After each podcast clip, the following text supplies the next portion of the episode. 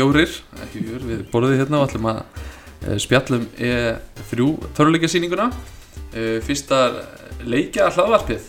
Uh, og við kannski bara byrjum á því að, að kynna okkur. Ég er Bjarki Þór Jónsson hérna og já, bara á Nörd Norðsins Já, ég heiti Daniel Rosenkrantz og er hérna penni hjá Nörd Norðsins Ég heiti Steinlóði Sigursson og ég er líka penni á Nördnorsins. Ég heiti Sveit og er hjá p6.is Ok, snilt uh, Bara gaman að hafa ykkur alla hérna. Uh, Við ætlum með mitt að ræða um, um í þrý sýninguna og við ætlum kannski að byrja á því bara að taka hverja kynningu fyrir sig og fara yfir það helsta sem kom fram í hverju kynningu og taka svo hérna svona hildina í lokið, hvað okkur fannst um, um alla sýninguna svona í hildinu og hvort það var eitthvað sem stóð upp og svona. Uh, það var EA sem byrjaði byrjaði hérna í þrýkynningarnar á, á þessu ári? Hva, hvernig leist ykkur á það? Já, í þrýr eða í A-Play eins og það heitir þannig að það var á lögutin þetta var svona undan allir kynningunni þannig að Jú, allt byrjuðu svona aðeins fyrir uh, þeir voru með flotta pakka. Aðalpunktin náttúrulega var Star Wars Battlefront 2 það sá það alveg í kynningunni og, Mm -hmm. Og jú, Madden og allir þessi leikir það er náttúrulega er að tróða eins ég er að, kynningin er alltaf svona ok, maður er svona sér þetta, ok, svo fer hann yfir sportleikina maður fann að geispa og, og, og svo bara já, og næsti leikur og Mm Já, þeir fylgja mann alltaf þessu fasta takti hjá sér sko. Já, já, maður sáðu þetta þarna í mitt Madden, FIFA, eitthvað sem maður veit að maður sé- sér Já, alltaf þú veist þessi árlegu hluti sem koma alltaf sko Mhm. þú veist. En, Og- en, Hunter er mættur aftur í story mode fyrir FIFA gaman að því? Nei, ég, ég, hef, ekki, ég hef ekki spilað FIFA leik eða svona, Ég er enda að spila það í fyrra og okay. síðast og fannst það ágætt, ég meina það er ekki já, gjörbilding, það er ekki sko, þú veist, þetta er ekki RPG-leik frá Bioware eitthvað eða eitthvað svipað og svo er Madden, eða ekki? Þeir eru Jú, eitthvað er, að kópera FIFA sögudótið í næsta leik. Og það heitir hvað longshot eða eitthvað? Já, Mhm. og er það bara nákvæmlega eins eða, já, mér síndist það í fljótu bræði ég skal alveg ekki að ég var að halda með vakandi á þeim partíi en já. En, já, en það mest spennandi fyrir mig, ég er búinn að spila hana NBA 2K þallir lengi Já. og ég hlakka, ég hlakka til að sjá sko, NBA live. Ég er einn að lífgaði upp á hræðið sem heitir NBA Live sinni, eftir margar það er búið ansið á meðan 2K Sports er búin að rúla í gegnum þetta allt saman þá er hann að ég er ennþá að reyna að lífga upp á Mhm. seríun og kannski vonandi textin bara þú sem að kemur smá samkefni í bransan sem var nöðsilt fyrir alla myndi ég segja sko Mhm.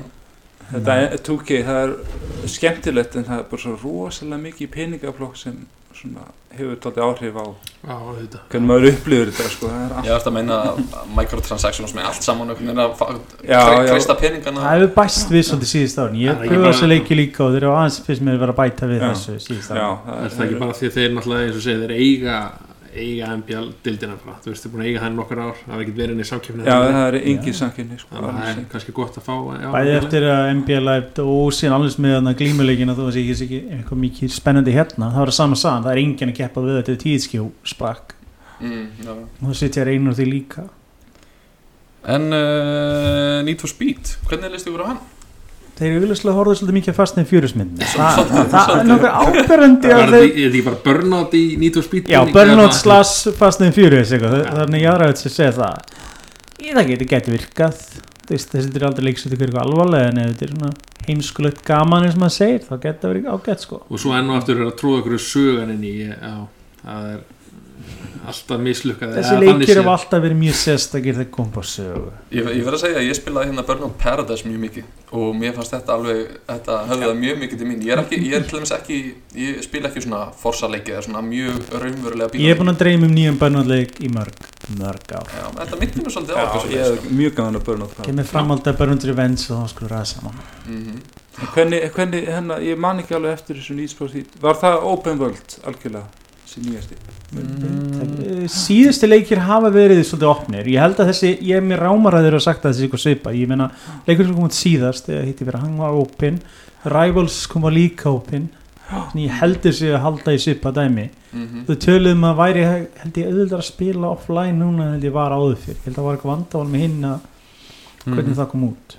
En ef við kannski svona já, aðeins- tala um Ubisoft hennar dræfinleikin já, En rétt áður, maður segir, það sem kom mér mest ávart í kynningunni var tvend eða raunleiki, já, eða eitt. Það er auðvitað leikurinn frá þarna fyrir starbískaðurornum og sem gerir að gera Brothers. Þannig að get, þannig að A Way No Way, Out a way Out fangisleikurinn, að kópleikurinn Hann er Já. þetta kom svona mest svona pínu óvart sem mér það kannski vegna þess að á, meðan ég var að dæla út allt sem vissir þá kom að eitt hlutur sem við vissum ekkit um raunverulega, við vissum að þið var að gera einhvern leik svolítið gáðan að sjá það því þeir hafa verið alltaf að keira mín, svona, svona í ja, indie-leiki ætla að segja svona, í fyrra eða hitt fyrir manna þá Já. var hana Unravel Já. hana fyrir ykkur fyrirtæki svo kemur þessi A Way Out frá hana og ætla að publisher og hann komir einmitt svona skemmtilega óvart það er svona, þetta er hvað, algjörlega split screenleikur Já, hann talaði um að þetta væri bara algjörlega og það er kópleikur svona, Já. svona hana, og sofa kóp, þetta væri hugsað Já. fyrir það Já, sérstaklega. þú getur einmitt uh, spila leikin í gegnum netið en þú fær samt split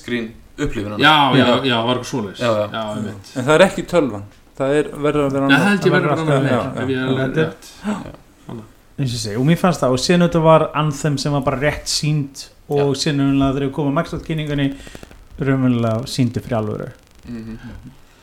og svo einmitt eins og þau sögðu þarna á hann í lókin með Star Wars Battlefront 2 sem að var bara endaði sýningun og, og heldum að fara að horfa á þarna gameplay bara. Já, og síðan mjög mismöndi vel hefnaða síningu bæði þar og með þegar þeir síndi eitthvað Rivals þeir eru að fá einhvern YouTube personality til að vera og hann var svo steinfrosin greið eða hann vissi hvað hann já, það er eitt af þessu cringe momentum. Já, það er svona pínur horfður að bara oh please, vonandi bara ljúkast á sem fyrst bara hans vegna sko. já, hann hann var ekki æfður í fyrir myndalina greið Nei. en ok, það er svona En ég spá í aðeins með Star Wars sko, veist, þeir tóku þetta á þessari gaggrinni ég spilaði þetta Star Wars fyrir. Mm -hmm. að var og lítið að gera og, og fá maps og bara fólk fljótt leið á þessu. Og þeir greinilega tölu um það á þessari kynningu sko. Við höfum hirt í ykkur nú er alveg brjála að gera fleiri hetjur og svo leiðis og, og saga sem var ekki til staðar í já, já, og Já. ég held að þó ég býst alveg um verið mjög söp uppið eins og verið Battlefield 1 í fyrra Mhm. kannski ekki fjór-fimm tímar. Það er alltaf lægi, Já, ég þarf ekki að var svo lengur lengur, sögu. Þau myndu meina allavega ásari kynningu og einhvern veginn minnir að það verið vel klappa fyrir það að þau hafi verið að segja mitt við hérna höfum tekið gaggríninni já, og sérstaklega, ég held að stærsta gagninu var líka það eins og þú segir, það var of lítið að gera en sama tíma út af hvernig þið gátt niðurásefni fyrir leikin þá splittaði alltaf notendafjöldan um hvernig einasta skipti. Mhm. og alveg að gerist með Titanfall líka og ég og þeim að þá lendur í vandram að það minka alltaf fjöldin út af þessu. Og þeir eru búin að segja núna að þeir ætla að gefa út allt viðbótarefni frítt. Þó þau eru að finna einhverja leið til að kristað peninga öðru í sig en þá ætti leikunni ekki lendi í miklu droppi spilarna fjöldalega síðan Nei, akkurat Já, ok, hérna, eigum við hoppa yfir í Microsoft eða Jú. viljið þið bæta ykkur við þetta? Nei, Ég- nei. það er fínt Herðu, ok, Microsoft kynningin ég, uh, svona, sem stóð bara strax sjálfkrafa mest upp úr fannst mér var hérna, hversu mikið af trailerum og síndir sem voru hérna, Xbox exclusive 40 Xbox exclusive þeir byrjuðu að segja að þetta er 42 leikir ef ég fyrir réttin töluna Mm. sem heitir síndir og því var 22 exclusive, algjörlega exclusive exclusive. Já, ok.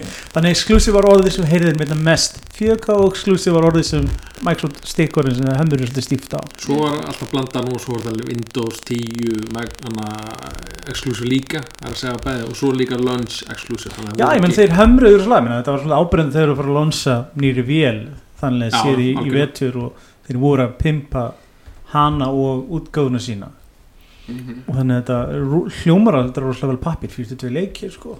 Já, já. Var þetta ekki líka eitthvað sem þeir voru gaggríndir einmitt á í því fyrra að vera Jú. með svo lítið af Já, og mikið af flaffi, ekki nóg mikið af raunmjölu hlutum. Og síðustu 2-3 árin hefur það verið vandam og alveg síðan að Don Matrick æmtrið þegar Xbox var kynnt. Mhm. sem þetta sprakk hressilega fram í náttúrulega og þeir eru loksist núna held ég með þessar nýju vil að reyna að bæta upp fyrir algjörlega en svo aðaladrið Xbox One X.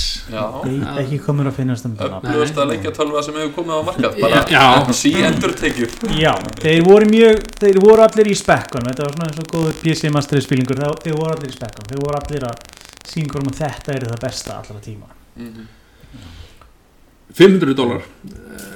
Herren í bjöstuð, Já. ég verði ekki henni, ég var að vonast til að verði, ég, mér fannst þetta var svo dýrst hvað og fyrir vikið þegar þetta kemur hingað þá verður þetta svolítið í tala nákvæmlega. En þú veist, er eitthvað fyrir að selja þetta bara, svona, ég veit að þetta er hægt að redda sér Xbox en þú veist, ég, markaðin er gríðilega lítill hérna. já, hann er það. Hann er búin að minka mikið frá Xbox 360 já, já, og ég meina algjörlega, hann er mjög takkmarkað þetta er einhverjum hundruðum tali kannski Já, ekki meira það. 2-3 manns kannski ef, ef svo er. Mm. en ekki mikið meira en það því miður, þetta er bara En gerður ekki dálítið mistök að hafa sko all, alla þetta exclusive, þeir eru líka á Windows 10 og þar eru hardware nöttarunir. þeir eru þetta búin að reyna að pússa bæði en mér finnst þetta Play Anywhere dæmið það fínt ég hef kjöpt nokkar leiki sem ég verði alltaf inn á PC líka og Xboxum, mér finnst Já. það að hendur það geta að spila Forza Horizon 3 á PC eða ekki, en maður er þetta fáralega grafnilega vel til þess. Mhm. en það er þetta valkostin. Já, svo lengi svo þetta ekki borga ekstra fyrir það það er alveg atrið en á móti tíminn eru þeir að klippa undir sig sjálfum að hluta til með það og sumir eru bálreiðir að þeir skilja voða sér að leika PC sem ætti að vera bara á Xboxinu Mhm. en, að- en eins og segi þetta kynntu Forza Horizon 7 sem þetta er eins og oft er þegar leikatölu kom út þarf ekki að vera auknan konfekt og það var auðvitað hann á að vera það auknan konfekt fyrir á Mhm. 4K upplöðust 60 framar á sekundi allar pakkin sko Mhm. og hann leit alveg gríðarlega út, það er ekki það sko en þeir ætla sér auðvitað að vera með eitthvað stórt mm. þeirra mati þegar vélinn kemur út 7. november Er- Spilið þið eitthvað? Xbox One, svona yfir höfuð nei, ég já, er skiptalögur PlayStation sko. ég á hana, ég á Xbox One S til dæmis Mhm. ég er enda að kæfti S bara út af 4K spilarna reyndar og því því að hann var ekki PlayStation Pro en ég nota hann ekki svo mikið og síðustu kynslu var 360 alvegilinn, núna er PlayStation 4 og núna er svolítið að þeir vilja vonandi að einhver svissi aftur yfir ef að líkinni gera best. Já, já. svo lengi sem að það stends já, líka bara frá því í fyrra minni mig heitir það, þá tölum að veist, um þetta keira alla leiki Xbox Anywhere á PC líka. Og ég er með alveg uh, frekar svona öflugan leikitur þannig að ég sé mikið alveg tilgangina í Xbox líka. En maður á hérna hitt Já, að það Já, eða þú veist, já Playstation og, og Nintendo og svo hérna er náttúrulega þessi sömu leikir aftur að koma bara á, á hérna Playstation og Xbox þannig að Já, multi-platform leikir og, en svona annað þá hérna, eins og sé, þá er ég mjög er mjög ánægð með þess að kera þetta PC líka þannig að ég, maður fær svona upplifuna líka heima þannig Já. að mm.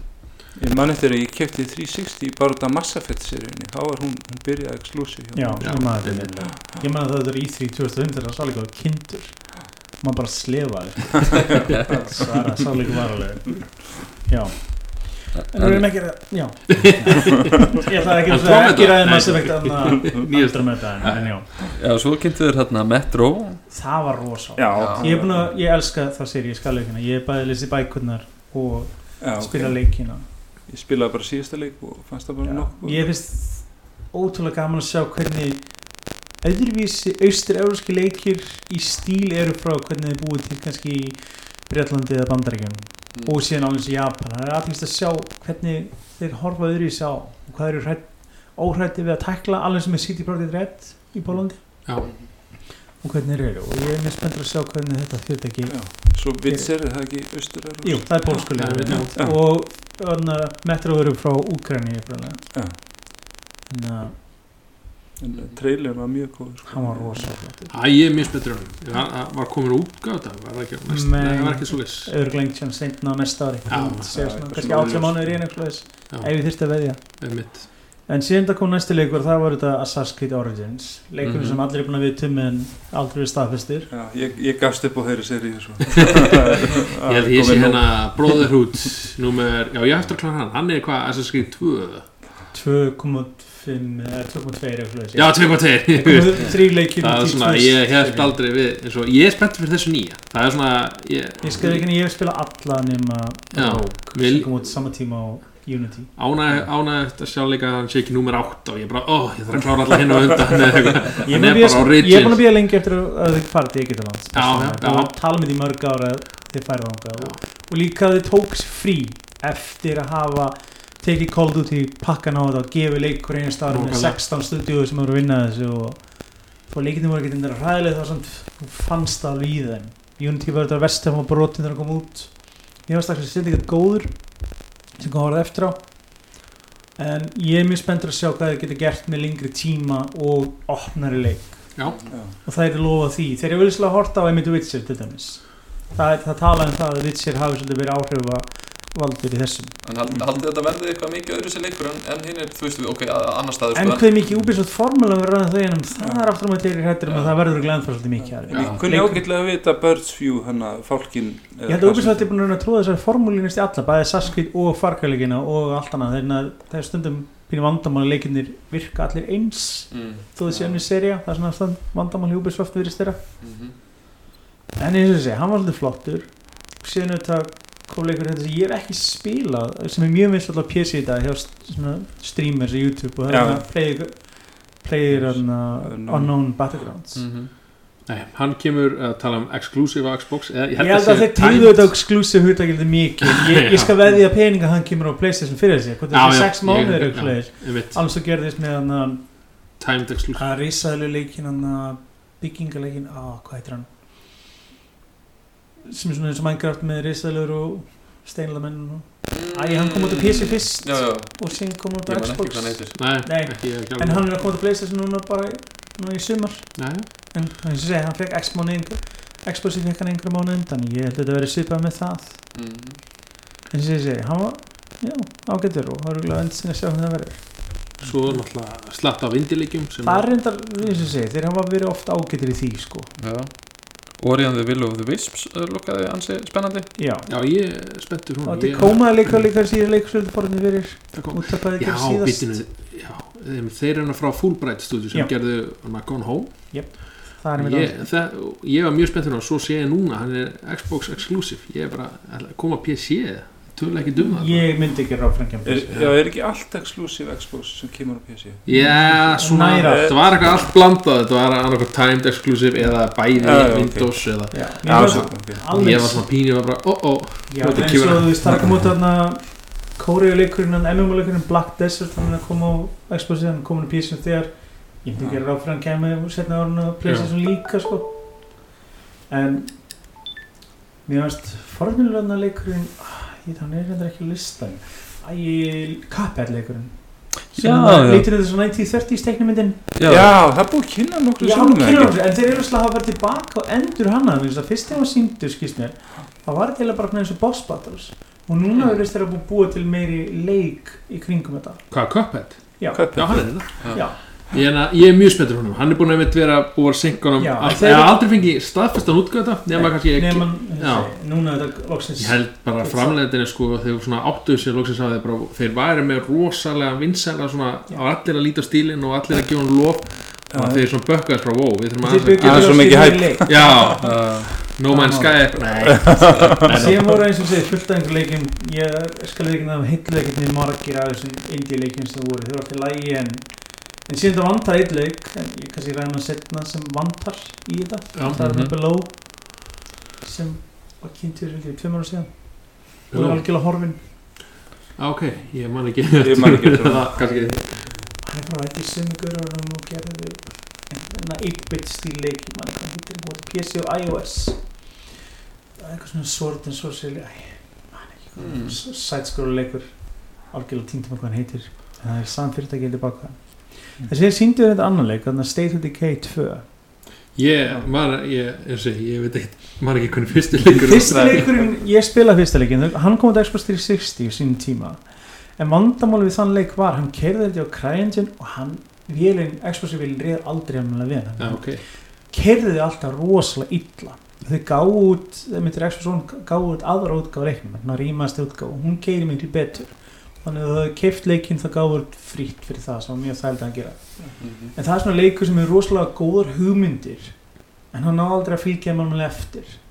Og þess vegna búin margir spenntir að sjá hvað að gera með næsta leik sérstaklega að vera að spila meira saman sem kannski var ekki hægt áður fyrr. En þetta, þetta var zombie-leikur, það ekki? já, og þeir keiftu ég útgefandana í maður rétt, framlendana sín tíma Microsoft Já, það getur ekki þess vegna ég held kannski að það Xbox Engine já, væri frá Microsoft þannig að það getur verið þess svo hann, fara fram hjá manni. hann er svona second party þessi Já, sem ég er svolítið spennandi við þennan leik sem að vantar í marga zombie-leiki ég er svona, ég elska zombie-leiki þau eru vel gerðir sko. Að hérna, það er þetta survival mode þar að segja byggja upp virkið já, og sér líka bara þannig að þú gast dáið en samt haldið áfram. Þannig að það var annar karti tóku við það þannig að það var eitthvað svona hafður eitthvað til að stefna á þú veist, þú var fannst fyrir því þú dóst eitthvað. Það var svona aðtíkisert, alveg svo zombie þarna leikurinn frá Zombie Wolfenstein. U. Já, reyndi á Ah, vissan hátt síðan þetta var Minecraft sem Já, alltaf. Minecraft sem það er. 4K Microsoft er þetta að fá út mest fyrir fjárfestinguna sína Mm. En það er gaman að sjá, núna ætlar að sameina veröldina hafa allan nema á PS, Playstation Já, þeir viljast ekki vilja opna Playstation töluna þetta þannig er veikburða afsakanir held ég Sony þar og sá það í viðtali við Phil Spencer Microsoft líka þeir eru alveg til í að, að leifa þeim að samin þetta en það er Sony virðist þeirra vandamáli ekki annað Já, það kom mér fyrst ég að vera svona Ó, er Microsoft Ég hérna mér þú getur virkilega- spilað á PC og, og fassímaninum og Xboxinu og allt saman en ekki á Nei. Playstation og Switch líka Mhm. Og Crackdown 3 Terry Crews bara mættur og lesa leikinn og Já, ég spenntur fyrir því, Ma, Það var ég spilaði 1 og 2 Já, ég veist tvö var þetta rosalega klúður en það leika fekk hann aldrei næðan tíma Já, ég kláraði hann ekki eins og hann var En eitt var svona, E- eitt var þetta alltaf fræður fyrir að vera glorified demo fyrir heila þrjú og síðan tíma sem kom í ljósa var skemmtur leikur Já. á það bakað Mhm. og ég er svona fórhættin að sjá. Mér finnst pínu leiðild að eðileggingin er í netspilinu og það eru tvö fyrirtæki að búa hann til. Þannig eitt er að búa til singleplayerin og eitt er að búa til fjölspilina Já, ok og fjölspilinu er það sem getur eðilegt alla borgina virðist þeirra það er hann að cloud computing sem Microsoft hamraði svo á síðast. Mhm. en það er ekki í leiknum sjálf virðist þeirra Ok. En síðan þetta síndu reyndar reyðleikin en Sea of Thieves líka. Sea of Thieves, já. sjórningileikin Auðvitað. Ég var það ekki svolítið langt uh, sínum svo Jú, Já, ég held að sé bara stýttast í að hann kom út eins og ég, ég að hann kemur örugglega þess var ég ég vil segja brjóta endi að sen ég er búin að pröfa hann sko í alfa, lokuð alfa brónum Já, ok alltaf lega, en svo skondi leikur ég veit bara ekki hvað mikið En lifir hann eitthvað, er þetta eitthvað er einhver það er stór spurningin, ef að þú okkur að vinna að spila og getur það skemmtilegt en Já. ég veit bara ekki hvað. Það er ennþá svo marga spurningar þess að svara með þann leik. Mhm. hann er skemmtilegur í spilun og hann er svona vel út og spilast ákveðlega en ég veit það ekki. Ég, það er eins og ég get sagt um hann ég er ekki nógu viss jafnvel eftir að pröfa hann Já, ok, já Já, Markaðurinn virðist vera daldið svona leikinn svo óvöld sem er svo auðvelt að stökk inn í og taka leik þeir eru verða daldið ofan á svo Já. Er þessi daldið flókin kannski? Nei, ég held að það, er þetta dæma út frá einhverju loka alfaprófun sko.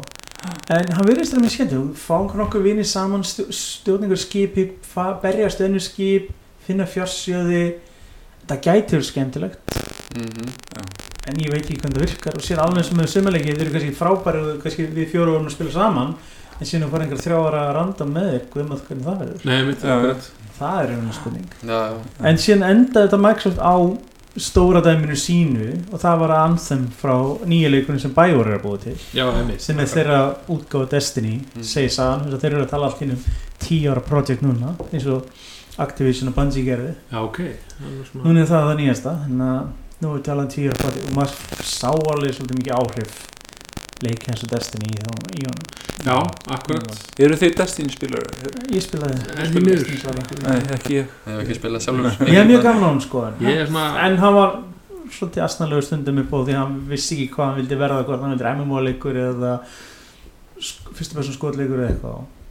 Sem þeir eru reyna að laga með, með tvö eins og þetta var engin saga í eitt eins og hún klift út bara rétt á hann að koma út mm. en en tvö svona, já en anþann leitur og svo vel út en þetta er samt leikur sem er ennþá talsvægt útgáfu og við veitum rauninlega ekkert hvað hann verður fyrir þetta að pússa demo eins og maður segir en, Það var ekki útgáfað af með þetta Nei, en hvað það er skilur nei En þeir ætla sér augljóslega sama markhóp og Destiny. Já, Þú en þeir sérð keppa, þá vantilega við Destiny 2 sem kemur hann Já, en þeir komuðu þetta ekki fyrir næsta ári en, uh, en já, þeir munur reyna að keppa við konum, Já. sko. Það er nokkuð ljóst. Já og svo hérna þeir einmitt endur þetta á þessum nótunum og svo hérna var næsta kynning það var Bethesda kynningin Já, Fjögur um morgunin, veistlu sko tíma það var mjög spennandi og akkæði brennir.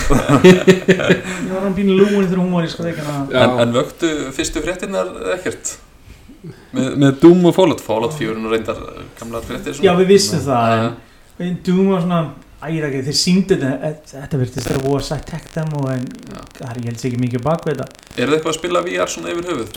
Nei, því miður, ég hef ekki Ég hef aldrei getað réttlátt kostnaðin að kaupa með þetta eins og það. Mér langar það, ég var til dæmis eins og Playstation dæmi, það er þetta ódýrasti kosturinn en Mm -hmm. eins og er, ég get ekki réttlátt það eins og er, mér vandrar þá spilunum sem réttlættir sem er skemmtilegur en tími undir hálftíma. Mhm. Fallout VR Nei já, Skyrim Já, ska, já. já, ætlast þér að kaupa Cool. hann enn einu sinni Svo svo, Ah, hvað, er- það er hvað þarf ég að kaupa hann leik oft Ég held að sé ákveð bölvun ég, ég, við ekki, ég, hef- jú, ég hef testað Skyrim en það var bara eitthvað smáir ég held að þetta sé einhver, ég þarf að drífa mig að ég klára er búin að að gefa hann út. Ég er búin að klára Skyrim. Þeir eru að býja til þér. Ég er er frá af 2011 ég er ég er búin að klára fjóru það sinni kemur Switch. Fjóru sinni, takk til því. Playstation 3, 4, Xbox já hann alltaf þetta er er að vera ágætt sko. En, en, uh, en hei, Skyrim og Switch síðan það eru ekki fint á kannski ég klára, ég get svarað en ég get spila með Zelda Lucas. Já, skjöldin og allan græn allan pakkan. Amiibo já, það ræðum ég En það var náttúrulega, hún kynningi byrjaði bara svolítið svoleiðis að, að, að, sína mitt þannig að VR dæmi og svo fengum við aðeins að sjá Elder Scrolls Online sem alltaf komið út í það Já, sem Morrowind. Kom út bara núna byrjun júni, 7. júni ef maður rétt, nýjasta viðbótin síðan ty- kynntu við le- Elder Scrolls hérna Legends sem er svona spilaleikur eins og Hearthstone. Já, Mhm. er að stefna á sama marka þar. Og svo líka Witcher, Gwent. Já. það er svona eins og segis þessi dæmi. Síðan kynntu við þetta reitleik sem maður vissi ekki að maður lögum.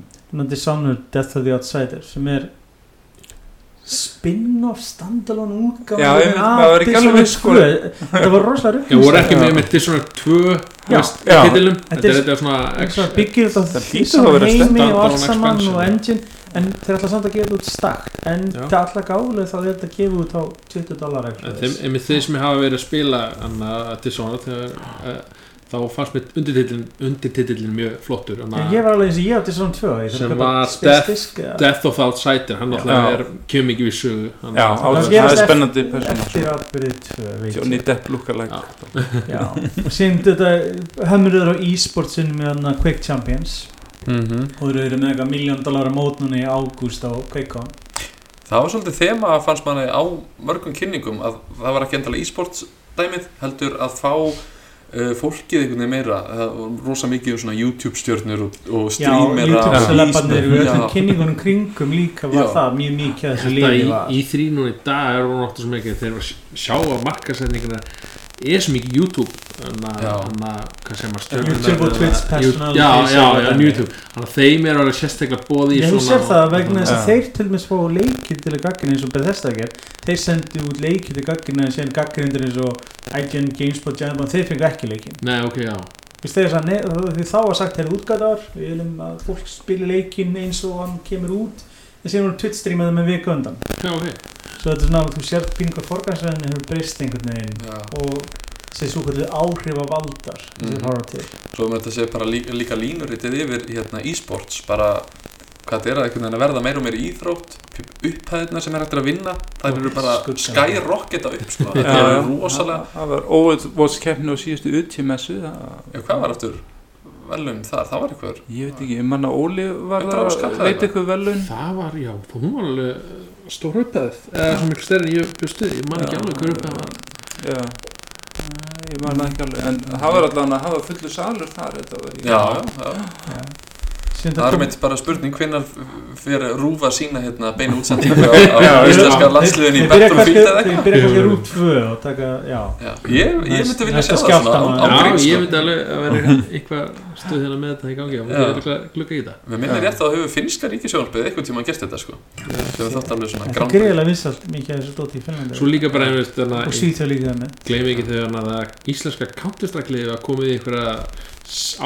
að nei, 32 leið úsliti eitthvað, þá er ég bara svona að fylgjast með því bara hvað er að gangi, þú veist. Bara í svo handbóltaleik Já, nákvæmlega. Ég þetta var komin í stofi hjá mig bara, ekki- já, koma svo. Það var mjög gaman. Sýnd það var þarna Já, svo komuðu með bombuna, tvær bombur í lokinu á kynningunni þarna. Já, Já. sem var svona eiginlega eina sem var varðið í þannig að mínu mati. Já, þetta var rosalega þunn kynning Þetta var eitthvað svo vissir af og sem þeir voru ekkert með einhvern veginn mikið í henni. Þeir voru að segja, jú, við erum að kynna það sem kemur út á þessu ári Mhm. sem er jú ágætt. En það var eiginlega ekkert, það var ekki finnið alveg undir blá undir sem að loksins fekk eitthvað sem kannski getur blóðu pínu reyfast. Sem voru þetta Evil Within 2 Mhm. Fyrstileikurinn sem þeir var forutnilegur þann áttu við svona annmarka og skildi umlega endurinn eftir í DLC-inu sem var pínulega öll já, ok, en spiluðu hann? Ég ég spila hann ekki. Nei, ég gerði ekki Ég pröfa hann Fór aðeins. fram með en- mér. langaði þetta að gera það svo sá, sá ég hann stríma hann og hann virkaði bara allt og tögast Ég já. að spila mínu núna eftir að þið upp lögu að næst Býtu, Steinar, allt á taugastrækjum Varst þú ekki fyrir Resident Evil 7 lánaðan ég sá, það var einhver Heyrðu. nord svona eins og, úr- hvað hétt þetta? Eh, ring, já. Það var einhver eins og ring, maður var að Já. drepa hann með eldi. Já, ok. Og ég var að horfa einn gera það og hann gerði þetta, þú veist, miljó sinnum eldin og nánast ótrefanlega sko. Smetliði bara Alien Isolation og þess vegna slepp Notaði notaði myndaður líka við svo getur þetta reyfingarna en þú letur gemurinn að vita og reyfi þig. Og hlusta til hljóðunni en okkur virkilega að fá algjörlega töða á það já, en ég spilaði samt Resident Evil 7 hann var, hann var mjög Já. Þú treysti þér í hann en ekki þetta. En ég vil segja það sem kom mér mest að það sem ég let mig hoppa pínu um að gleði var þegar Wolfenstein. The New Colossus já. var síndur frá það Machine Þetta er auðvitað svona einn áhuga Fyrsti fyrir mig var leikur ásins 2014 hann kom mér rosalega óvart og ég er búin að hampa hann mikið. Sammála, hann var mjög góður Já, ég hef reglulega mælt með hann við fólk að spila hann hann kom mér gríðalega óvart. Ég kom hann sama ára á Doom? Hann að- Nei, hann kom 2014 uh, Doom kom út fyrra. Var það bara fyrir Já, Já, bara fyrra, það er svona ár síðan Doom kom út einhvers hann var mjög spenndi og ef þeir alltaf fara svona alla leið og vera svona pínu sýrðir með eins og þið síndist trailerin var það flottast sem þess síndi Mhm. Ég, ég, ég, hef ekki spilað Wolfenstein leikina og eftir ég sá þennan trailer Aha. ég er bara, ég er fara að kaupa þennan Mhm. og ég ætla að mynda panta, eða kefti hana Steam útsölu núna sem er gangi ég mitt Wolfenstein uh, The New Order og ætla að spila ekki á hann og það er þessi kemur þannig að ég er mjög Ég spilur get ekki meld nú með hann persónulega sko. Það var líka skemmtilegt. Að- og annars svona hildin litið þá var einmitt maður var um og var þreyttur og þetta klukkan fjögur til ég að hún var 45 mínútur náðum Já, hún var ógst stutt og þunn alveg fólk var að hugsa bara já Þeir eru alveg hverju- af skilta hverju voru fleikt með út bara myndband en þetta var líka svolítið fyrir aðstöndu þetta var Bethesda land þetta var svolítið flott í kringum það. Ég var að skoða hjá einhverju Snapchat sem var hann og hann var að sína með nokkur aðri og Já, já. Það var mjög flott sko. Eða veist, já en að En síðan það var Ubisoft næsta blæði og Já. þeir hafa í gegnum tíðina verið með mjög flottar sýrðar og stundum þar aðstöðun kleppi síningar gegnum tíðina. Ég veit ekki að það toppa reynda Konami kringum og breyta árið það það En- en jésus minn. En það, þú veist að minnstu þú horfður á Ubisoft kynningu það verður alltaf eitthvað gaman. Já, ég að þeir eru farin að gera það viljandi núna þeir eru nú aðeins að trekka sér tilbaka frá því nú við verum með Jamie Kennedy fullan á suðu einu sinni. Já, alveg rétt hann var það var fullur og sópar eitthvað ég get langar að horfa á skrítið fara á YouTube svo, og svo var leikonan hann að svarta. Aisha Tyler hún var Já. síðust, hún er búin að síðust 2-3 ég er ári gaman að ég sagði hennar. Já, eh, frá Mr. Caffeine en já, þeir mættu og fyrst á sviði var eitthvað sem Danni hætti ekki að glaðst yfir. Mario, Rabbids. já eins og þau byrjuðu á því að fá hérna Miyamoto Mhm. mm og uh, voru hann að stiltu sér eitthvað fóa floppinn hann og Kís Imo eins og hann heitir Já. og mjög grátandi og glaðan framleiðandi leiksins sem er salnum yfir hérna sem hefur komið flott hashtag bara á Twitter það er eitthvað don't cry Ubisoft man ég verður að skoða það er mjög tóf sko. ég held að svo að skoða myndina en að það sem, menn maður er búin að vita þessu leik í nokkra mánu, en ég, það sem kom mér með að stóra allt inni, byrju, gameplay og bara allt inni, ég bara, ha? Já, gameplayið lúkka alveg Já, ég finnst mér bara að fyndi allt inni bara, leikurinn lítur og svona útlýðslega séð, en allt inni bara stjórnin og hvernig það var bara XCOM, ég bara, ok. Ég var ekki alveg fyrst ég sem er, er það ekki að náða til krakka ekki, hvað ætlar það að gera, það að taka þetta harða útgáðinu sem XCOM eða karlinn deyr og bara va- varanlegt og já ég myndi hugsa það bara Mario bara skilin eftir bara í Já, bólið tvö. Það er Iron Man stilling og eigði seifinu eða margir, ég veit það ekki. Þeir hljóta að vera með eitthvað hérna, já, En þetta voru Öðru svona flott. Nákvæmlega. Og síðan sýndir þetta meira og Mhm. svo litið eins og það var það, og minna heldur hann á Microsoft kynningunni Já, það var auðvitað Microsoft hefur borgað eitthvað please koma með trailerinn og hann gameplayið þetta tilbaka. um að vera með eitthvað bit Það var eitthvað Síðan smá- sýndir þetta Crew 2 Mhm. sem ég að fyrsta leikur nángöndur svolítið skoðandi Spyrir smá íslenskt í Íslands laganum þessu? Já, já, já. auðvitað, Kalli Já, Sýndir þetta tvo trailer fyrsta trailer var Kali og lagar er já, og svo fór hann að því The Crew 2 á að verðast að vera eitthvað stærri á þannig sviði. að búin að bæta við hérna bílum og, Og bátum. nei, Já, nei já. fyrir bátum og flugunum alltaf að segja og það er svolítið svona spesa því að ég veit ekki alveg hvað er alltaf sér með það samt. það Nei. er eins og ég sagði, þetta var fyrsti var svona bílleikur og það er svo erfitt að ná bara einu elementi það er að segja kannski bara bílalík Já. svo ertu komið með flugvelar og annar bát bjóstiðin undir einu að fóksa á það sem virkaði í fyrsta leiknum og byggja því já. en maður veit ekki hvernig virkar að tróða svona miklu inn í hvort það komið betur út eða verður út. Mm. Ég mani þetta þegar þau kynntu fyrsta leikin hann, þeir eru frábæri með kynningar á þessu leikjum en, en það, það er ekki svo margir sem spiluð eða krjúið Nei, ég, ég spilaði eitthvað aðeins við leikum okkur vinnin að fara hringin í bandarækjum og sjá þetta. Já. mjög svona bjögað útgaf bandarækjum en Já. ég veit það ekki. Er það komið svæði, hvað, hvað svæði það verður? Bandarækjum aftur veit ég, Já, mér síndist það.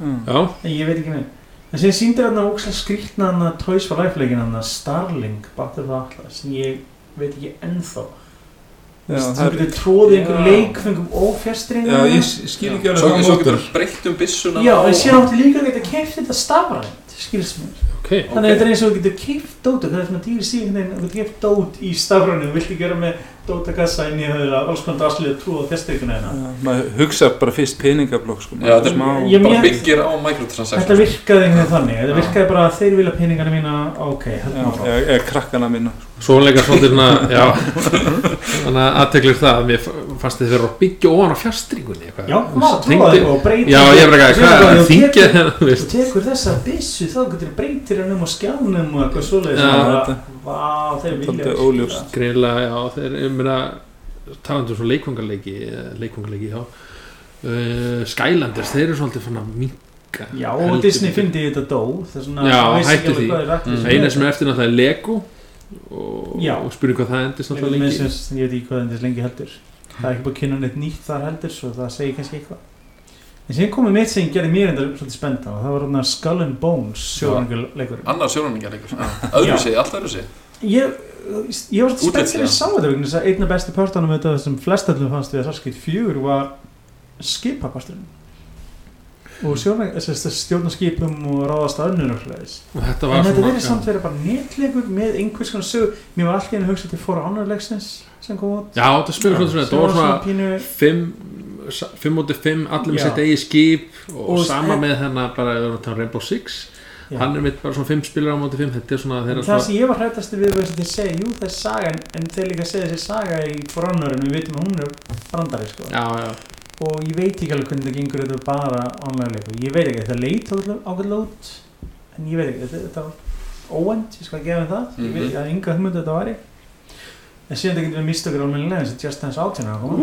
Já, og Mortal Kombat karakterina Já. ekki hann að Scorpio eða Þetta eitthvað. jafnast Það fór að dansa. Það var sögur ég veit ekki hvernig Johnny þetta splitt Það kom cringe-spjallan aðeins ég veit ekki hvort þið nú að toppa Star Wars Connect, þarna Han Solo syngatrið fræga Já, vá, það var rosalegt það var eitt af það ljótast sem ég séð Star Wars Connect. Það er, já, Þetta var öruglega núna eftir bara Disney og Star Wars þannig að bara hættum að gefa út svona núna er þetta bara en núna eiga í þetta bara nátt þannig að já. ja, réttina því. Síðan er þetta Far Cry 5 Já, mm þetta er bandrækjana, Montana Ég spenntur fyrir honum. Ádil, ádil á bandaristjófélag já, það var búin að orða mánu hvort þetta er vestri, annars er Dead eða þetta Já. ég er endur ánæður að fóru þessalega frekar. Og Mhm. um, hann virðist að það er hans opnari og meira kópspilum sem virðist þetta vel á. Já, Já, en hver og mikið NPCs líka það Já, en hver mikið er að fara í trúalegu elementið? Það verður aðtekst að sjá hver, hver mikið þóra sér þangað í svona kristilegu miðríki bandarækjum eins og það er skilja en ég held sem hérna, hvort er að þóra að fara eitthvað í það ekki. Það verður þetta fórnum að sjá. Mhm. en þessi sko þeir eru búin að, það er búin svolítið mísið þeir eru búin að kynna hann á tvenna við mjög alvarleg trúaleg og síðan svona alls konar brandara, sprengingar, hlaupandum með, bytni og fljúvel svona algjörlega absúrt eitthvað þetta er svona, veit ekki alveg maður er búin að heyra mismund sögur af kynningum á leiknum sko. Já, ég las sko á Polygon það var einhver sem prófaði þetta í beta og þá hennar var einhver mjög aðtilsöru karakter með persónu og allt þetta og svo dömmuðu þeim hann niður sko. Ég, Gerði ég er búin að heyra sömu sögur um nákvæmlega, að maður veit ekki alveg hvort er farið, ég var spenntari fyrir verð þá aftur eitthvað neina. Já. en ég veit það ekki. Síðan kynntur viðbót fyrir skíða og þannig að olimpíu viðbót er Road to the Olympics. Já. sem er út olimpíu næstar í veitróbleikunum Ég held að það er svona eh, stíl Ég bara voru- fyrir eru leikur en- að- þú veist, þetta er ágætið viðbútt frekar fullu leikur. einhverju tala um að það er náttúrulega búið að búið náttúrulega að gera sam, samning og við verðum bara að nýta hann og halda Já, áfram ég að meina framlega annarkvært leikinn og... þetta eða Mario og Sonic á reyndar. það var ekki heldur. Nei, við séum þetta endur á eitthvað sem margir er búin að býja eftir og það var mörg þá held ég sem fór þá á umbríkan fyrir að Beyond Good Evil 2 kom. Já, já. Það er búin að vera þraut að ganga með þann leik. Já við fengum loksins að hann. Það er að segja að hann er á lífi.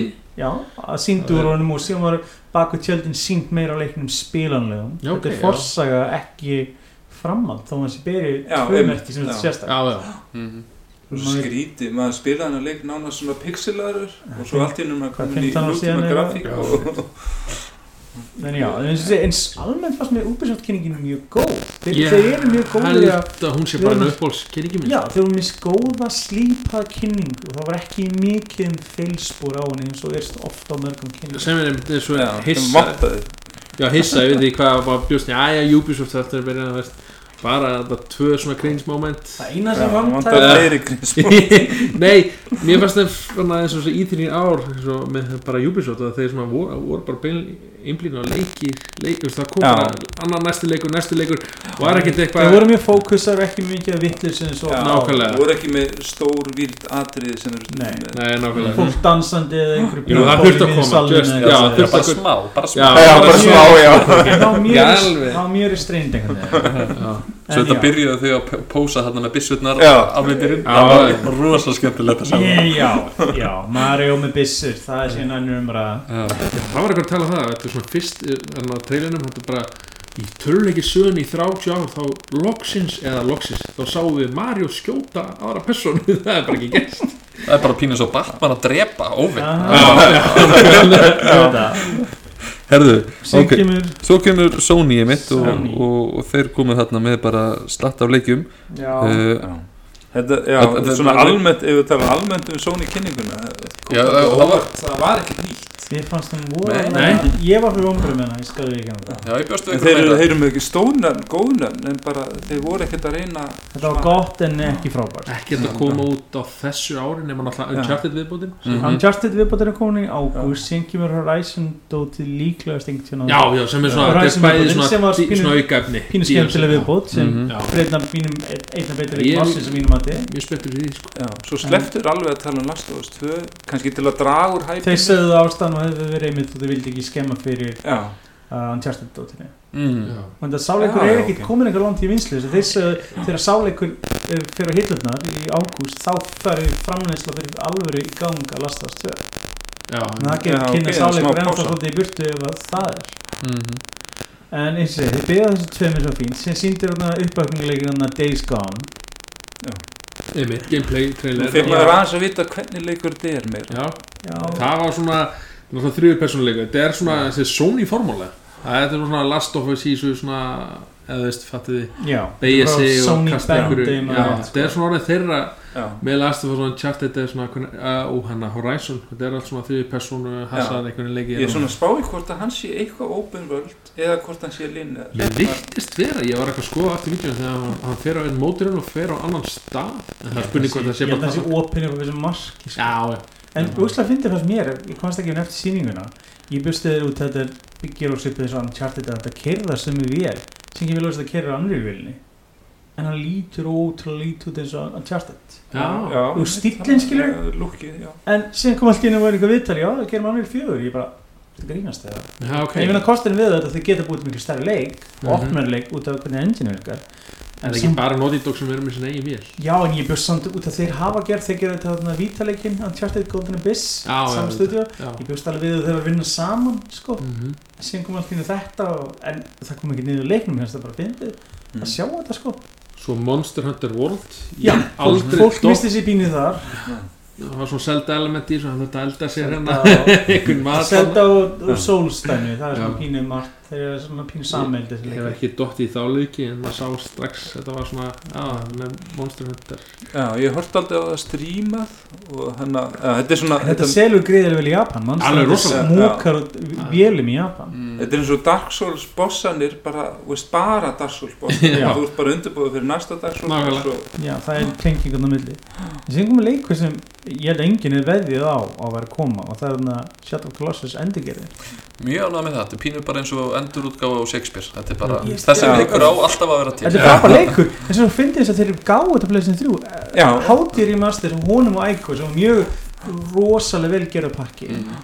og sama stúdíu gerði hann og er búin að gera mikið af bestu endurgjörðunum þannig að eins og Uncharted Sabnum flera, Bluepoint Games, þeir eru að gera hann leik Já, og þeir tala um þessi ekki háti endurgjörð en það er takkilega búin að gera þetta grunn endurgjörð Bara með gameplay öllu sem því fylgir með gameplay, spilum, grafík, öllum pakkanum. Það og það tekið sérstaklega fram held ég að geta breytt hérna festaríkunni hérna Já. yeah. skipunum það er ekki þessi japanska hoppa þrýningi ég myndi- væri er alltaf full að on endurgerð sem var svolítið sérstætt sem að hugsaði með sér bara enginn um þetta, ég er ekki að kvarti þessu heldur en, ég það að þetta beðið um þetta. Svona- þetta var sérstætt sko. þetta er mjög fínt.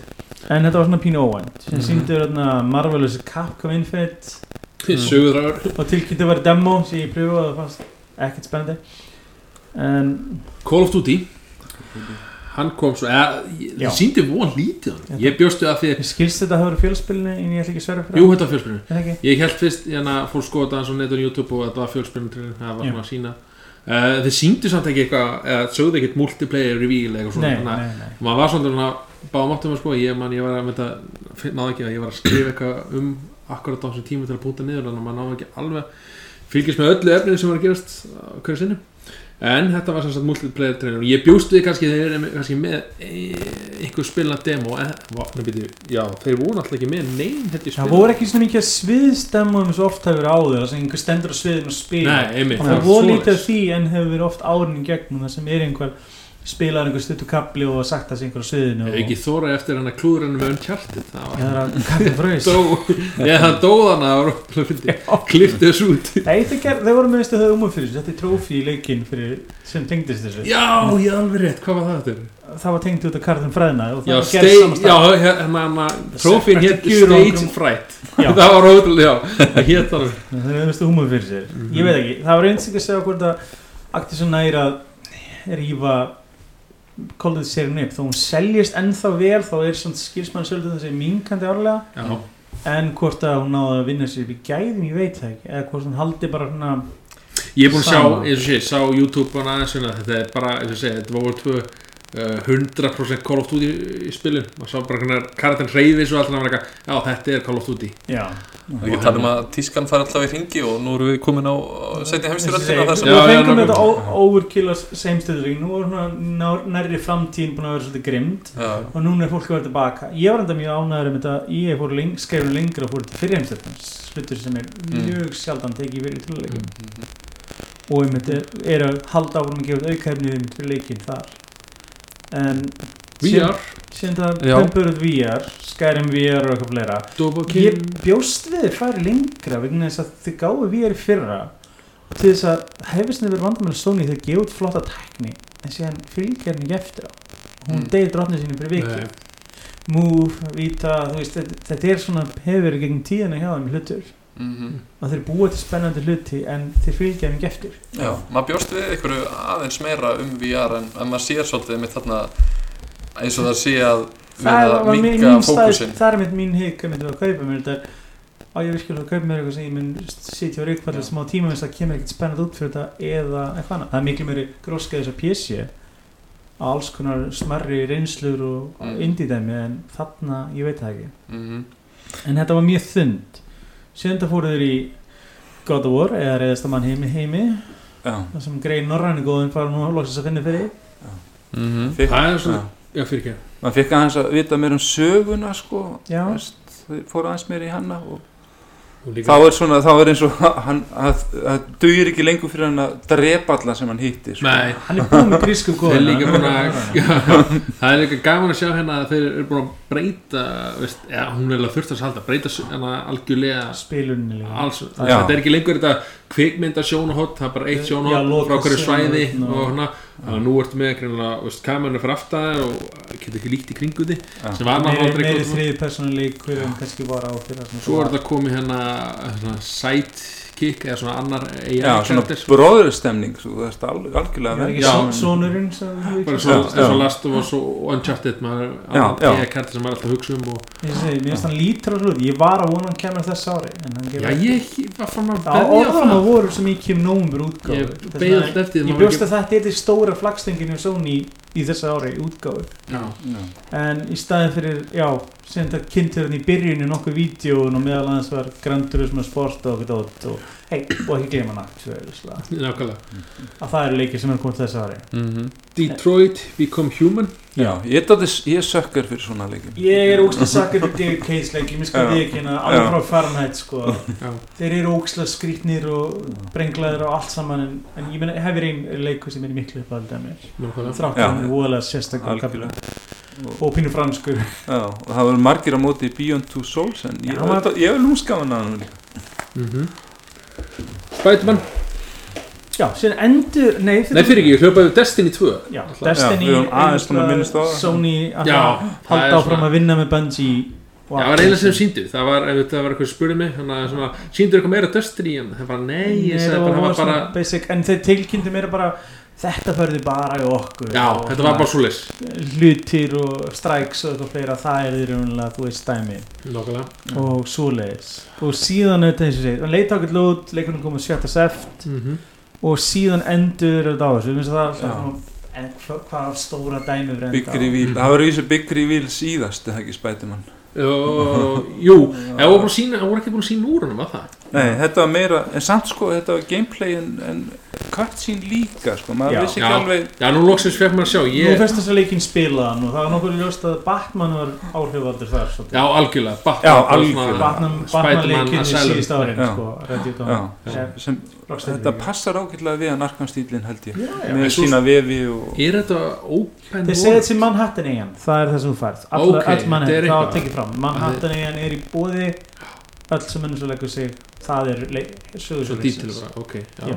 Það, það var, það var spurt um það einmitt og það var svarið sko. ok, það er flott, ég meina það var eitthvað sem spurði um þetta, ég bara, já, þið síndu bara svona eina línu, bara leirin eitt story hérna mót fólk var pínu hrættan er þú mikið kviktan út af hvernig hvað var sínd á skjánum sko. Já, en þeir reynda eitthvað að segja við fólk að það var ekki alveg svo leiðis time, já, einmitt. En ég verð að segja sko, eins og segi, þetta var svolítið sérstakt sko að þetta var stæðsti hluturinn þeirra.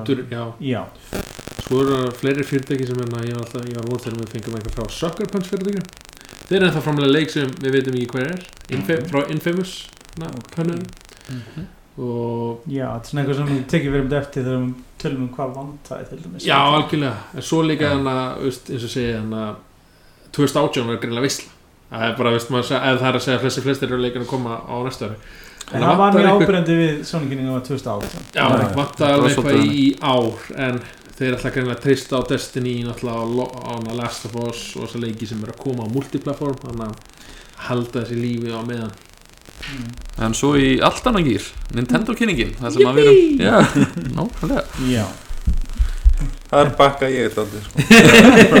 Já, hún var alltaf Þannig að þú tala bara í hálftíma með það. Skal við segja ykkur hérna Nintendo uh, Jú, þeir voru yfir heldinum eitthvað svona rétt svona segir svona hvað það var. Ég var mjög ánægð með það ég Hún veitir ég bjóst við þessi kynning, ég bjóst við hún er miklu þinnri. ég bjóst ekki við ég held þetta er svona eins og maður fekk hana svona óvænt punktur svo koma eftir sem svona, já, gerði svona mest fyrir hana þó að leikurinn sé ekki að koma út á Maður var þetta vonað, þeir voru leikjör, nýja leikjör þess ári og þeir þurftu mm. mikið að vera með leikjör til fylgjan eftir. Já, Til þess að, ég meina, koma, þeir alveg vélengi út bara eitt leikur sem heldur þess er já og það þarf að vera eitthvað til þess að sína fólki að og það, þar fáið Xenoblade uh, Chronicles 2 hann er að koma þessu ári ég hef ekki dotti í fyrirleikin um, Skýrst það að Sínblöð X hafi verið mjög fýtt sko. Já. Það segist Mm. framhald að öðrum senur ekki honum heldur einhvern öðrum en ég bara svo leilagur um það að ég hef ekki spilað þessi leiki. Um, Kirby og Yoshi, þetta er leikið sem komast 2018 Mér finnst það svolítið flott. Mér finnst. Yoshi Woolly World svolítið skemmtilegur. Mjög krútlegir allt saman og, og Þetta er mjög svona klassísk Nintendo leikir. Algjörlega. Mjög vel púsaðir og líta vel út og hefða til víðis aldurshóps Mhm. og eru nöðsilegir í svona library þján til þess að vera með held ég. Fyndi hvað hérna svo komið að, aðeins möguleg sem Pokémon.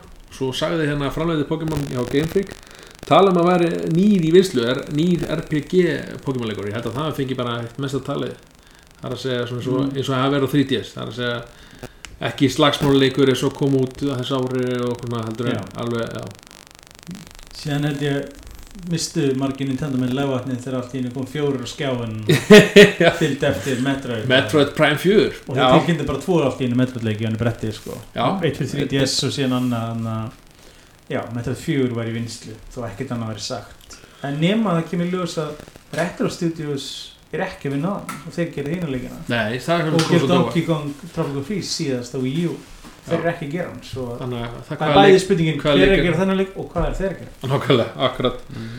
uh, nýtt efni fyrir Breath of the Wild það er náttúrulega vitað það er að koma út núna 30. júni það næstu ykkur, fyrsti pakkin og síðan í vetur setna bara meira efni að meira, efni, eða meira að selda þannig að Já. það er jákvæmt eða það er alltaf vitað. Einn af stæðstu leikjum ásins og það er jákvæmt fyrir að fylgjast eftir. Mm Fire Emblem Warriors ég er enda hef Dynasty Warriors leikur. Gert dótt í þá serju Virðist er nákvæmlega uppir og Hyrule Warriors Emitt.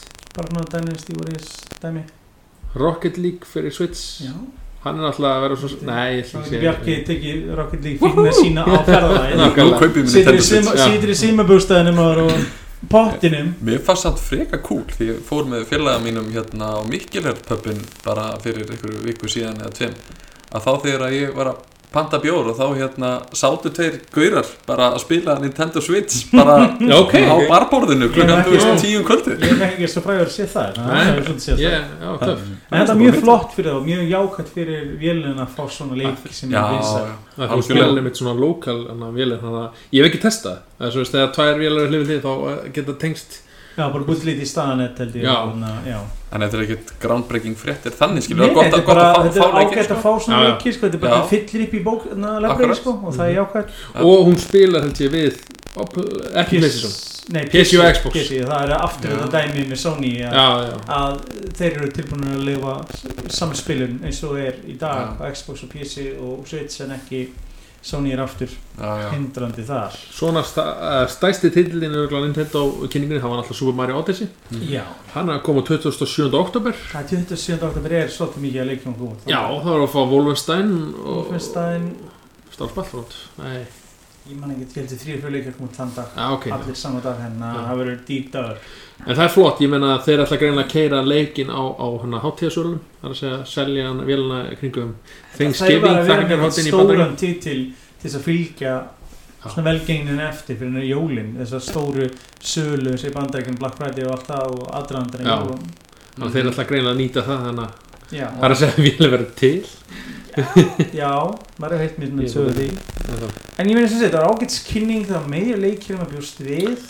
Já, og vissi leiti og það er ágætt að þeir, að þeir eru alltaf fylgjast eftir á það er að, bara eins og hérna, já segir að núna í næsta mánu þá er Splatoon, svo kemur Rabbids Kingdom Battle með Mario og svo er að fá Samus á 3DS og þetta er svona eitt leikur á, á mánu sem Já, mér fannst það bara veist, Mér, en síðan það var það sem þá maður tala um það, svona við erum að en- enda kynningarnar, er að það var ekki talað um virtual console, ekki neitt. Nei, það Það er bara vonbrigði online að komið í Þau eru haust. nýbúin að senka Nei, næsta ári. Nei, já, þeir senkuðu online netpartinu núnda næsta ári og segðu upprænum að sagt að þetta er frítt handir í vetur eða haust, þetta er bara í gang. En núna kemur þetta ekki um næsta ári. Þannig að það er búið pínuð um gagginu Nintendo fyrir að launcha einhverju án þess að þessi tilbúið. Ok. í vissu leiti Má, má ég spyrja einu í Nintendo? Að sjálfsögðu. Er það þess virði að kaupa Switchin núna? Haldið þetta út að maður sagan er að leikjartunna er degið aldrei út eða ekki Já. Af að- það er alltaf reglulega sagt alveg svo PC er dæja líka Það er að einn vinur minn spurði mig bara um síðustu, það, fyrir tveim viku, er það þess verið? Ég, það er eina sem ég sagði hann og syngdur um hvaða leiki var að koma út og, og svo spurði ég bara, er þetta einhver svo höfða til þín? Um, ég hef alltaf verið mikil Nintendo yeah, fanboy eða eitthvað svoleiðis bara frá því Nintendo 64 eitthvað svoleiðis. þegar maður kynntist þar að segja uh, Zelda leikur, ég er náttúrulega dýrka Zelda fram með mest af allana og ef þú átt ekki Wii U þú veist, jú, þú veist að segja, það eru fullt af svona stærstu tillum Mario Kart átt að er allar að koma Switch. Já, ég líka að spá ég út að ég á hennar 10 ára strák og 7 ára strák og þeir fíla þetta sko. Það er enda, Það- þá ert það þetta í stóra lukkabók pott Já, ég hef teitt held til það að er Sjöndar spurningin er tilbúin að leipa um í vilna Eða?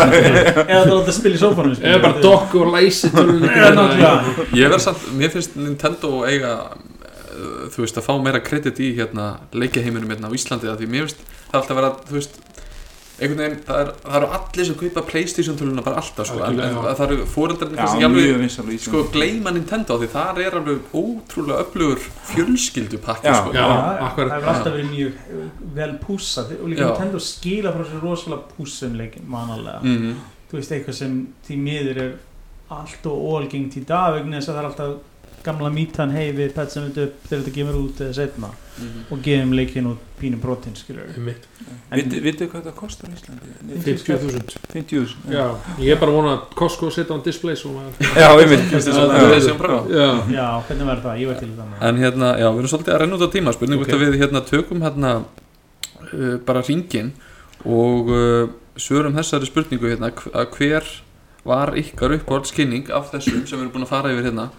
Og Daniel, við bara byrjum á þér og fyrir svo ringin hérna ég ætla að segja Ubisoft. Hann fær reyningi hjá mér. Það var, ég veit, aðra kynningar komu svolítið svona dólulega og voru mámbrið en, en það var einhvern veginn ekki þannig moment hjá Ubisoft. Einhvern veginn, ég veit ekki af hverju það var, þeir síngdu hérna Mario í byrjun og hann, hann kom óvart. Assassin's Creed og er bara flotti titla leiðinu þess ári. Þannig að mm þeir fá stíð frá mér Já, uh, ég verð að segja Sony út að ég er daldi Sony maður og hef alltaf átt Playstation og þó þetta hafi sko að vantaði daldi svona eitthvað fútt í þessa kynningu þá, þá eru þeir með stórnöfn eins og hann God of War og, og Detroit sem ég spenntur fyrir og Uncharted, nýjastu leikunni þeirri serju svo að já, ég var að segja Sony bara. Ok, Sony?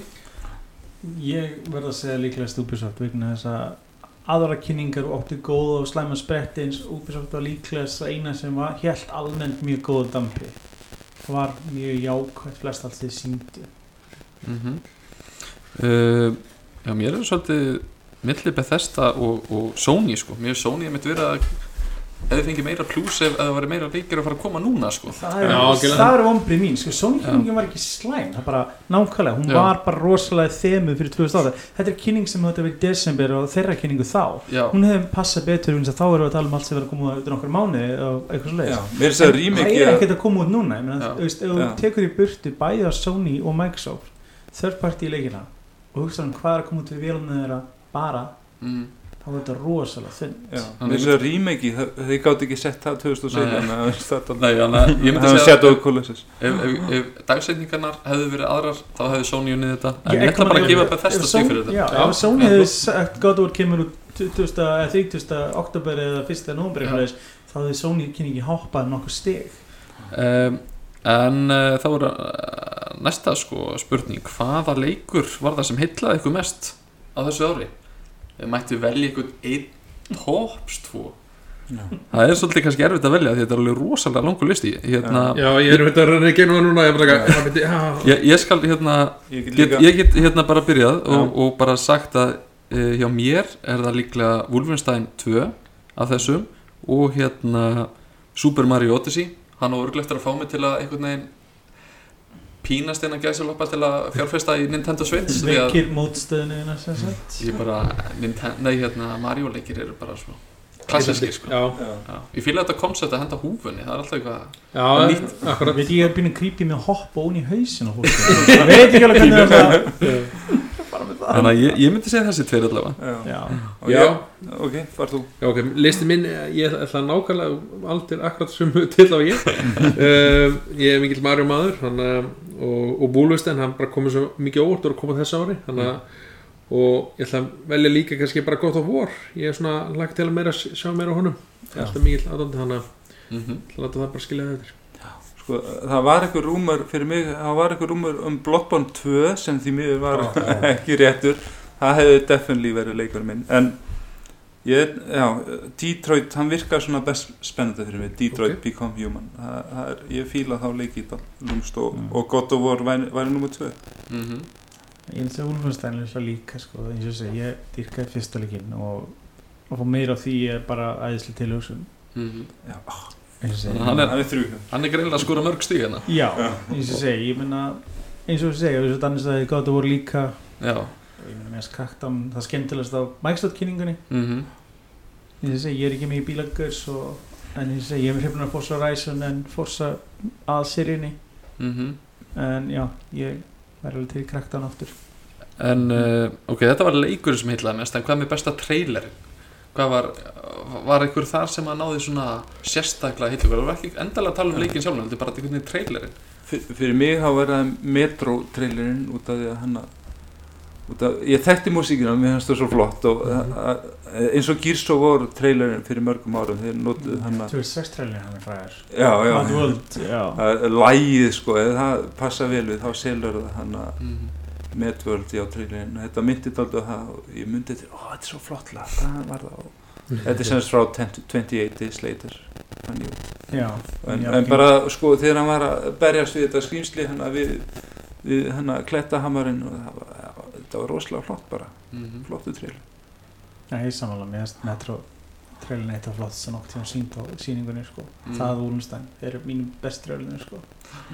Sumu tveir leikir og eitt að nefna mig og sérstaklega fyrir hlutin af Wolfenstein leiknum þegar verði hérna svona eins og skotur bíómynd eða sýnisotnu sjónvastætti að vera já, Já, það var þetta skemmt spurning- Já, og 50 ok, hann er nú spurningu með- þáttunni þið, gerðu það líka pínu með hérna fake útgáðan bítlun fyrsta og svona ég fannst alltaf rosalega gaman þegar hölluðu svolítið í þessa átt, sagan sem þú þekkir en sem er svona sýrðum hliðablæ sko En ég, ég, ég verð að segja sko, ég hef ekki spilað Metro en, en mér, ég myndi líka segja Metro vegna þess að hérna, mér fannst sem bara Fallout spilari þetta já var það er það heillandi líka, þetta er þetta sko. post-apocalyptic opni heimur Já, og já, þeir virðast vera að fara ef þú hefur gaman verið að. Fallout þá er Metro alveg klálega eitthvað fyrir þig og sko. trailerin bara, wow sko. ég myndi bara segja þér að Metro Redux safniði bara klálega eitthvað en er það ekki rétt hjá Já. mig þeir hafa verið dálítið linear metroleikinir Já, fyrstu Þetta- tilíkinn núna er eru fyrst er þeir- bara skotleikur umhverjulega sko, setni er aðeins opnari en já, þessi virðist alltaf taka þetta í opnari heim Já.